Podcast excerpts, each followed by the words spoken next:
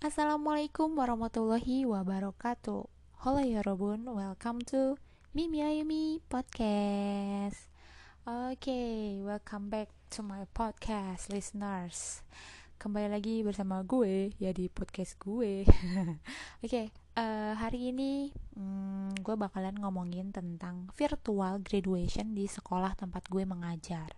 Jadi, sudah kedua kalinya sekolah gue mengadakan virtual graduation yang mengingat kalian tahulah ya, si COVID ini masih e, menetap gitu. Kayaknya dia belum mau cabut kali ya. Coba dong kalau misalnya listeners tahu gimana cara buat si COVID ini cabut hengkang dari negeri kita tercinta. Aduh, bener-bener kayak I miss vacation seperti itu kan. Dan yang pastinya gue juga rindu banget sih sama murid-murid gue gitu. Oke okay, next. Jadi ini tuh udah tahun kedua gitu kan. Karena yang pertama juga virtual gitu. Nah seiring berjalannya waktu kita benar-benar ngoreksi uh, graduation virtual kita dan mencoba untuk menjadi uh, menjadi lebih baik dan membuat uh, virtual graduation yang jauh lebih baik gitu kan.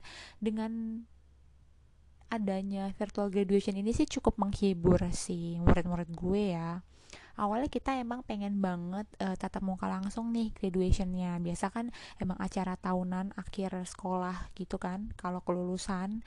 Nah terus penutupan tahun ajaran itu biasanya kita pasti ada acara ramah tamah gitu kan. Ada ada susunan acaranya. Ada ya biasalah graduation gimana sih gitu kan hmm, penyerahan uh, tanda kelulusan, medali, kemudian kita foto bareng-bareng, ada kesan pesan murid juga. Terus uh, biasanya ada kayak mini prom night gitulah ya, kita pakai baju-baju pesta gitu, bajunya bebas gitu kan. Dari tempat uh, tempat-tempat tempat-tempat makan besar gitu. Seperti itu biasanya uh, acara tahunan di tempat gue mengajar itu seperti itu kalau graduation tapi karena covid ini akhirnya kita mengadakan acara graduationnya secara virtual gitu kan. Nah kalau nggak salah uh, graduation tahun ini itu baru aja kemarin tanggal 18 gitu kan.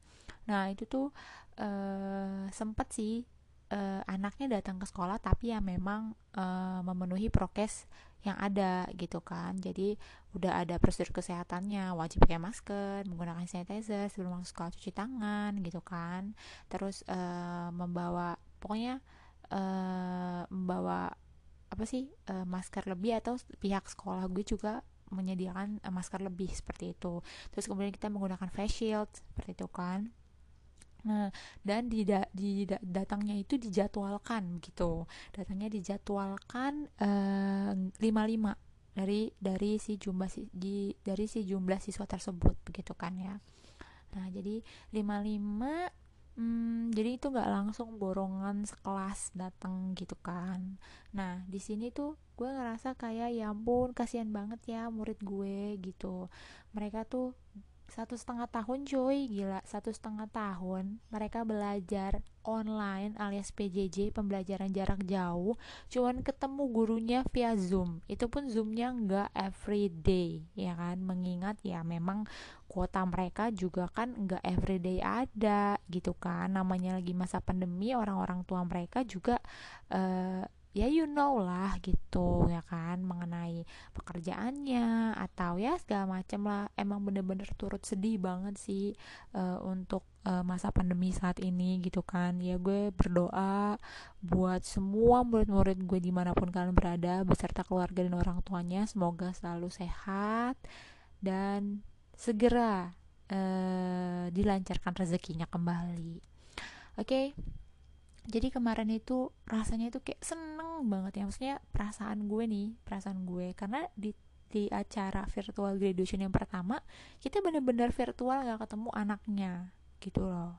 Jadi ya udah kita syuting syuting aja gitu. Bikin video yang untuk uh, zoom bareng sama murid di hari H. Kemudian uh, apa namanya tayang di YouTube sekolah juga gitu kan. Di channel YouTube sekolah maksud gue ya.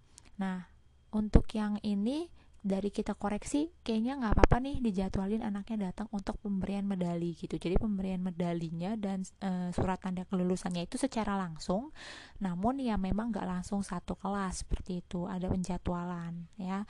Jadi syutingnya ganti-gantian seperti itu. Akhirnya uh, setelah mendapat izin dari yayasan sekolah gue oke okay lah kita adakan si virtual graduation itu. Kita kasih jadwal dari sesuai nomor absen ada jamnya jadi bener-bener gantian. Ya walaupun gak harus ketemu sama siswa-siswi gue secara bersamaan gak bisa foto full satu kelas secara bersamaan tapi gue bener-bener bersyukur sih bisa ketemu mereka. Rasanya itu kayak ya Allah gue tuh apa ya speechless sih kangen gitu rindu banget sama mereka. Ya gue tahu uh, sebagai guru ya mungkin relate banget sehari harinya kalau kayak ih anak buat gue nih bandel nakal bikin kasus melulu gak pernah ngerjain PR buku gak bawa tugas gak ngerjain segala macem lah. Itu pasti relate banget sama kehidupan guru ya kalau ngajar pas offline atau sebelum corona menyerang negeri kita gitu kan. Tapi tanpa disadari ternyata hampir tahun kedua ini si corona masih setia di negeri kita coba deh kalau misalnya listenersnya listeners itu seorang guru kayak gue gitu. Entah lu guru SD, SMP, SMA, TK or guru les gitu kan private gitu pasti kayaknya ngerasa ih gue rindu gitu ngajar mereka. Walaupun mereka nakal walaupun justru ya kita rindu yang seperti itunya gitu loh. Tatap muka sama mereka menjelaskan kepada mereka rindu ngajarin mereka. Mungkin ada juga beberapa guru yang kayak rindu marah-marahin mereka gitu kan. Kadang kan ada ya kayak gitu. Tapi ya mudah-mudahan marahnya itu karena sayang ya guys gitu. Jadi itu bener bener-bener rindu dan gue tuh tipe guru di sekolah yang kalau di luar jam pelajaran gue bener-bener nganggap siswa-siswi gue itu ya temen gitu ya kan. Tapi tetap pada uh, batasan sopan santun yang ada mengingatkan otomatis gue lebih tua dari mereka seperti itu.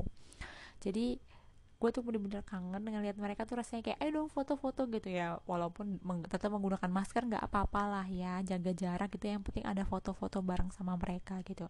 Rasanya itu tuh aduh sedih banget guys. Ya Allah itu tuh kayak aduh gue tuh ngajarin lu tuh dari kelas 7 gitu loh. Kita tuh udah sama-sama selama tiga tahun tapi kenapa acara lulusannya itu harus disertai dengan covid seperti ini gitu kan. Kita tuh jadi nggak bisa foto bareng satu kelas nggak bisa ketawa-ketawa lebih lama. Itu kan karena dijadwalin gitu berjam. Lima anak tuh ya paling cuman setengah jam doang nggak nyampe gitu loh sebentar. Karena kita juga kan nggak mau ambil resiko mereka terlalu lama di luar terlalu lama di sekolah.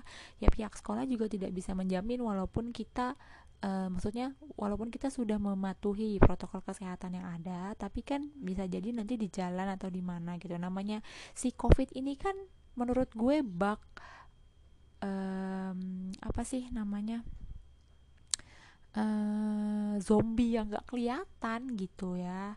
Ya serem aja gitu kan namanya. Apalagi mereka kan masih remaja-remaja uh, yang sebenarnya itu masih kecil gitu menurut gue. Mereka tuh aduh masih imut-imut walaupun ya mereka sudah mau masuk SMA SMK tapi ya ampun gue sayang banget sama mereka gue rindu banget sama mereka. Jadi gue atas nama uh, sekolah bener-bener mengakui kalau gue rindu banget sama mereka gitu kan. Dan secara pribadi pun kalau misalnya mungkin listeners gue adalah salah satu dari murid-murid gue nanti Miss benar-benar mengharapkan kalian selalu menjaga kesehatan ya. Apalagi kalian tahu di masa pandemi seperti ini Miss benar-benar mendoakan kesuksesan kalian di mana pun kalian berada. Miss pengen banget ngejalin silaturahmi dan kalian jangan sungkan-sungkan buat hmm, sapa miss di media sosial apa pun yang memang kita mutualan gitu kan yang kita temenan gitu jadi ataupun via WhatsApp kalau kalian memang punya nomor miss dan butuh uh, bantuan miss gak usah sungkan oke okay? jadi miss bener-bener uh, sayang sama kalian miss doakan yang terbaik untuk kalian all the best for you oke okay? jadi uh, kemarin tuh alhamdulillah berjalan lancar virtual graduation di sekolah tempat gue ngajar. Uh, kemudian videonya juga sudah diupload di YouTube channel sekolah gue. Kemudian uh, acara via zoomnya juga sudah berlangsung. Dan uh, terima kasih buat antusias para wali murid yang sudah ikut bergabung dan hadir. Siapa tahu ada wali murid yang jadi listeners gue ya kan? Saya mau ucapkan terima kasih uh, buat bapak ibu mama papa ya pokoknya saya doakan sehat-sehat selalu karena saya nggak mau lagi ada kabar-kabar duka atau sedih dari murid-murid saya. Kayak ibaratnya udah cukup lah kita kuat banget nerima kedatangan kehadiran keberadaan si covid ini gitu kan. Jadi tolong jangan uh, apa ya jangan bikin kayak makin sedih lagi gitu loh. Kayak ah, pokoknya speechless lah mudah-mudahan sih harapan gue ya covid cepet cepet tiada. Bener-bener nggak ada lagi varian apa pun pokoknya bersih. Gue cuma mau covid tuh hengkang dari negara gue deh. Kayak aduh kasihan banget gitu kan. Itu sih doa doa utama dan harapan pertama gitu di podcast ini. Mudah-mudahan hmm, dari apa ya uh, pembahasan gue kali ini obrolan tema gue hari ini ya listeners bisa ambil kesimpulan kita benar-benar harus jaga kesehatan harus bersih terus ikuti protokol kesehatan yang ada kurangi mobilitas eh, kerumunan pokoknya 5M lah ya itu 5M bener-bener kayak bukan maksud gue untuk menakut-nakuti tapi ya supaya kita kembali lagi menjalankan aktivitas secara normal ayo dong gitu baik dari pihak kita sebagai uh, masyarakat dan dari pihak pemerintah juga tolong ada kerjasamanya gitu loh. Ya apa ya agak riskan juga sih kalau misalnya gue ngomong terlalu frontal about um, apa ya about Nah, maksudnya dari pihak governmentnya juga itu sama si masyarakatnya itu harus ada kerjasama yang benar-benar kerjasama, nggak saling menguntungkan satu sama lain gitu loh. Jadi pihak governmentnya juga harus kayak sadar, oh kalau misalnya karena apa ya tuh jatuhnya gue jadi ngeritik government kan? Apa ya? Ehm, menurut gue masih agak sedikit sedikit sih kurang tepat sasaran aja ya gitu. Jadi mudah-mudahan ke depannya government bisa lebih tepat sasaran agar bisa menekan dengan sangat uh, drastis atau bahkan menghilangkan si COVID-19 di negara tercinta kita ini gitu. Hmm, yang pasti ti yang pasti uh, gue tuh bener-bener apa ya berdoa lah berdoa berharap. Yang tadi sih udah diulang-ulang harapan gue yang pertama pengen banget covid bener-bener nggak ada bersih tak ter tak tersisa di Indonesia seperti negara-negara yang udah bebas covid. Terus gue rindu banget ngajar di sekolah menjalankan aktivitas sebagai seorang guru sehari-hari biasanya datang ke sekolah gitu kan uh, piket ketemu sama murid-murid terus apel pagi seperti itu. Udah siap-siapin uh, apa sih namanya buku dan segala macam perlengkapan prepare buat ngajar jam pertama gitu loh. Seneng banget ketemu pagi-pagi sama murid ngelihat muka-muka mereka yang uh, adalah uh, siap belajar ada yang mungkin masih sedikit mantuk jadi kayak bener-bener rutinitas uh, kegiatan aktivitas sehari-hari secara real nyata fakta gitu. Ya gue di sekolah kehidupan gue sebagai seorang guru di sekolah gitu kan. Uh, ada juga yang emang bener-bener mereka mungkin sebagian murid gue mengira bahwa guru matematika tuh di mana pun rata-rata hampir keseluruhan itu killer. Ya gue jujur selama mengajar memang terkesan galak mungkin.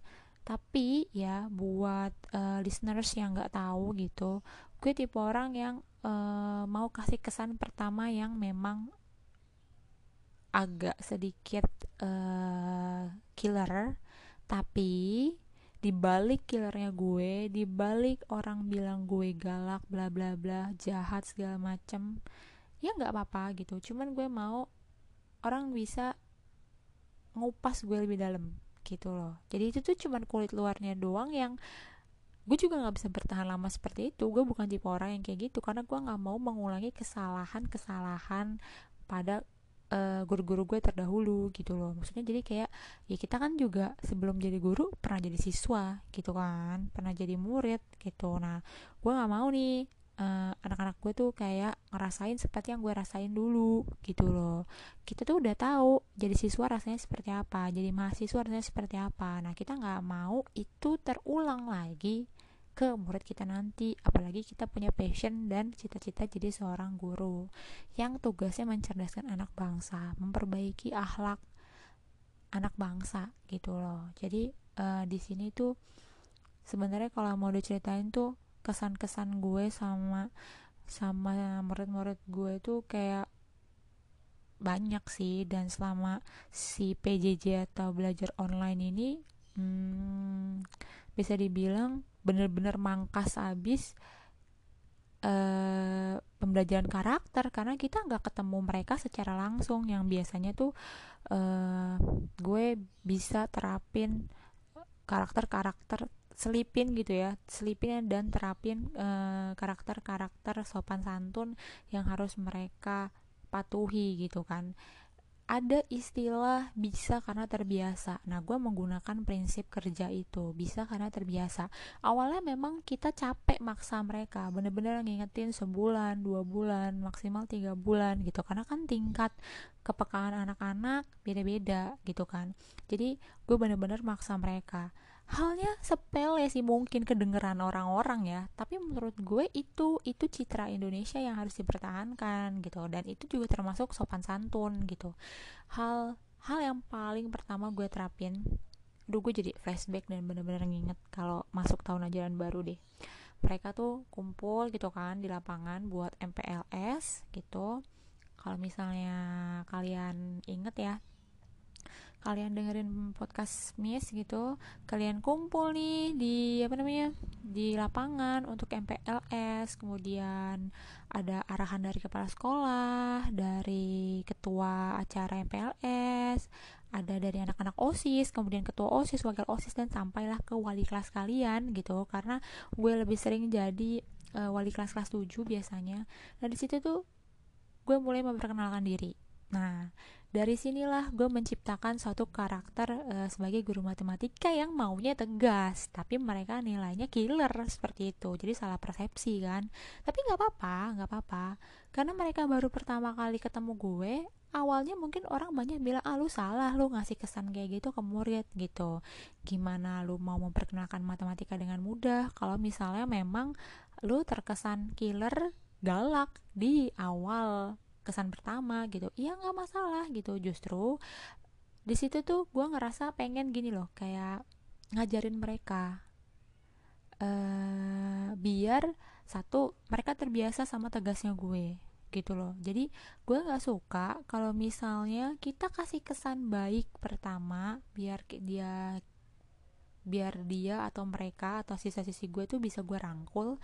Tapi setelahnya Ya, maksudnya uh, jadi di saat kita bisa ngerangkul mereka karena kita baik, lama-lama mereka ngelunjak.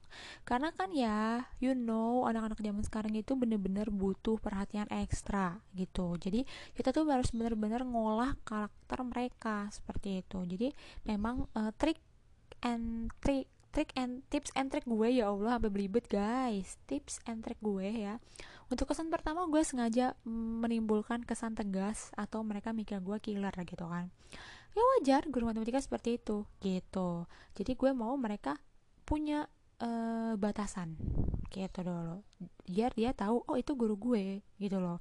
Kita harus menghargai kita harus menghormati gitu karena ada prinsip juga bagaimana kita bisa mau nerima ilmu dia bagaimana kita bisa mau atau bagaimana bisa ilmunya bisa nyampe ke kita benang merahnya bisa tersambung kalau kitanya songong ke dia gitu loh. Jadi ada banyak uh, buku atau gue nggak usah sebut satu-satu karena agak lupa juga buku yang gue baca apa. Kemudian ada juga banyak hmm, dari YouTube YouTube atau podcast lainnya yang gue dengerin uh, ya seperti itu. Jadi untuk mendapatkan sesuatu dari seseorang ya kita kan harus berbaik dulu dengan dia seperti itu. Nah gue nggak minta kalian jadi siswa penurut yang cuma nurut doang gitu loh. Gue juga nggak mau. Gue mau siswa gue tuh kritis gitu kan penuh opini gitu. Uh, pokoknya berani mempertahankan uh, jawaban dia selama dia benar seperti itu gue maunya. Jadi makanya um, ya harus harus menonjolkan eh, sikap-sikap uh, seperti itulah gitu. Kita benar-benar harus bisa uh, ngolah banget karakter mereka. Apalagi yang gue ajarin ini anak-anak SMP yang notabene remaja dan di masa SMP itu you know mereka itu benar-benar lagi nyari jati diri mereka gitu. Jadi um, sesusah gampang sih ya. Jadi kayak main layangan tarik ulur. Lu harus bisa ngerangkul mereka. Lu harus bisa ngebebasin mereka juga tapi dengan timing-timing yang tepat pastinya gitu. Jadi hmm, itu tadi. Untuk kesan pertama gue pasti selalu ngasih kesan tegas biar mereka tahu batasan. Nah setelah waktu berjalan belajar beberapa saat cara ngajar gue juga nggak seperti yang kalian bayangkan. Mungkin dari seluruh siswa gue sebagiannya mungkin 50% bisa ngerasa kaget. Loh uh, biasa kan gue di sekolah dipanggilnya Miss Ayu gitu kan. Kok Miss Ayu uh, apa namanya kesan pertamanya galak loh. Tapi kenapa kok pas ngajar gini gitu? Karena jujur aja gue kalau ngajar itu uh, pakai timing. Dalam arti gini di saat gue bener-bener menjelaskan suatu formula rumus atau problem menjelasin soal itu gue bener-bener serius gitu.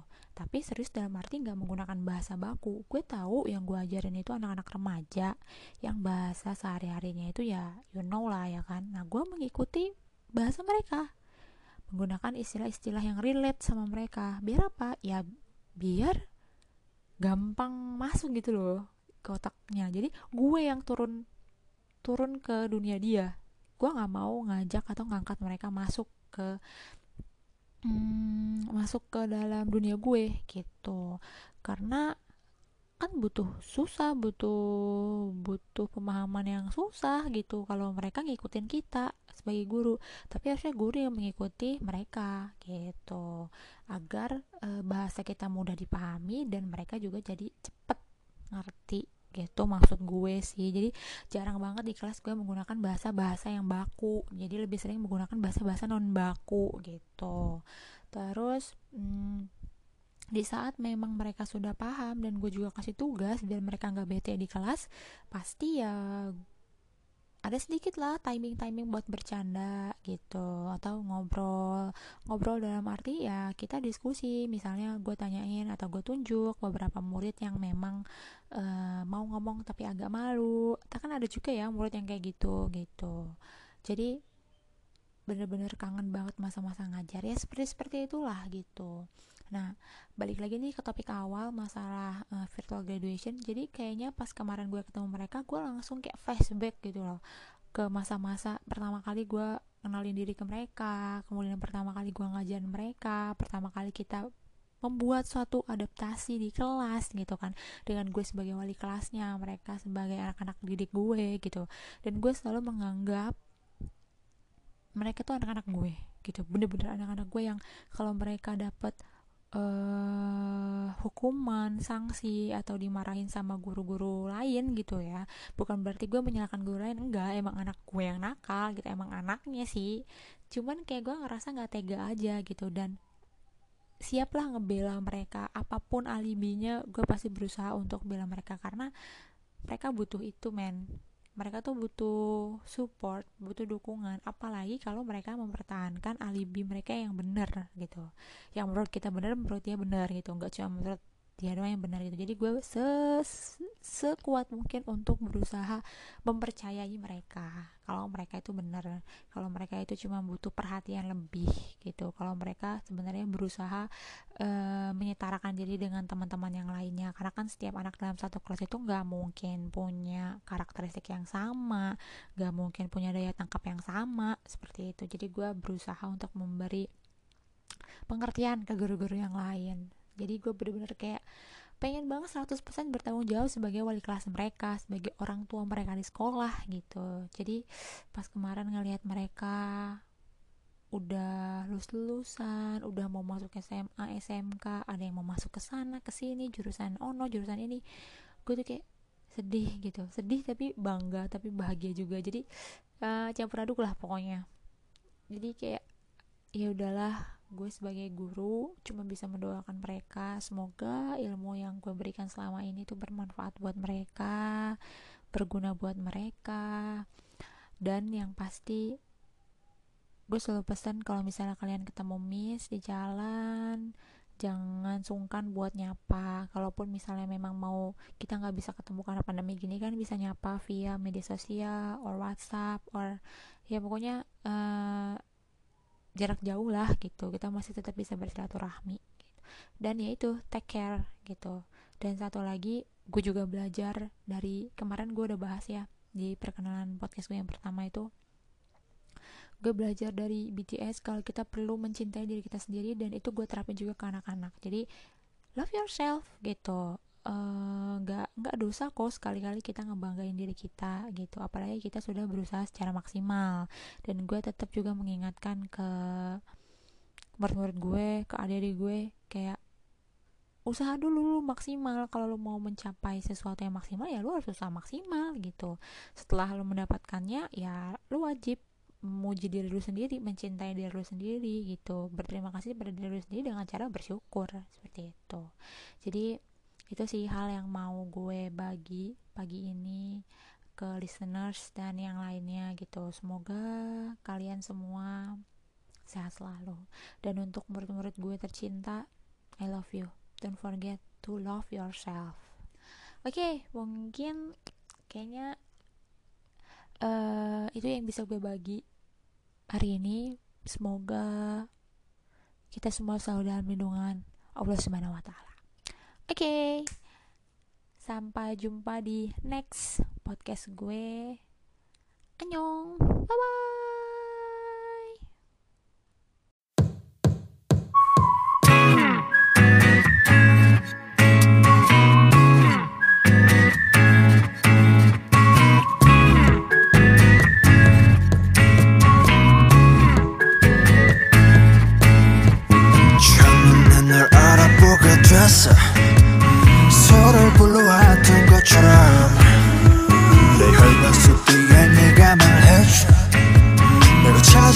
좀 너라는 걸. 우리 만남을 수학의 공식 종교의 유법 우주의 선미 내게 주어진 운명의 증거. 너는 내 꿈의 주석 세계 세계 너에게 내민 내 손은 정해진 숙명. 걱정하지 말라 이 모든 건 우연 완전 달라 baby. 운명을 찾아낸 둘이니까. 우주가 생긴 그날부터 계속 무한의 세기를 넘어서 계속 우린 저생에도 아마 땀생에도 영원히 함께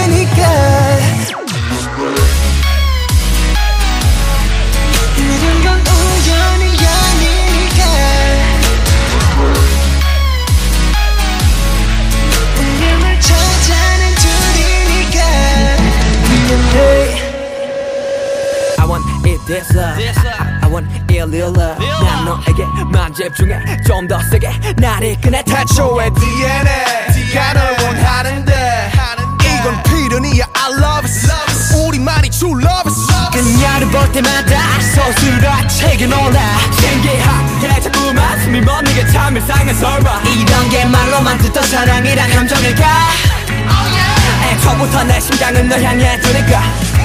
걱정하지 말라 힘을 든건 우연이 아니니까. 우리 완전 달라 baby. 운명을 찾아낸 둘이니까. 우주가 생긴 그날부터 계속.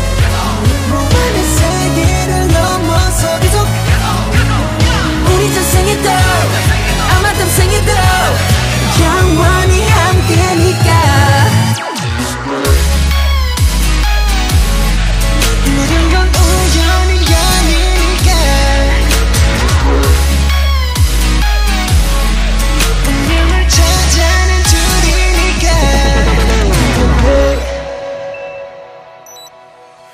거짓말 운명을 찾아낸 우리니까. 후회하지 마라 baby. 영원히 영원히 영원히 영원히 함께니까. 걱정하지 마.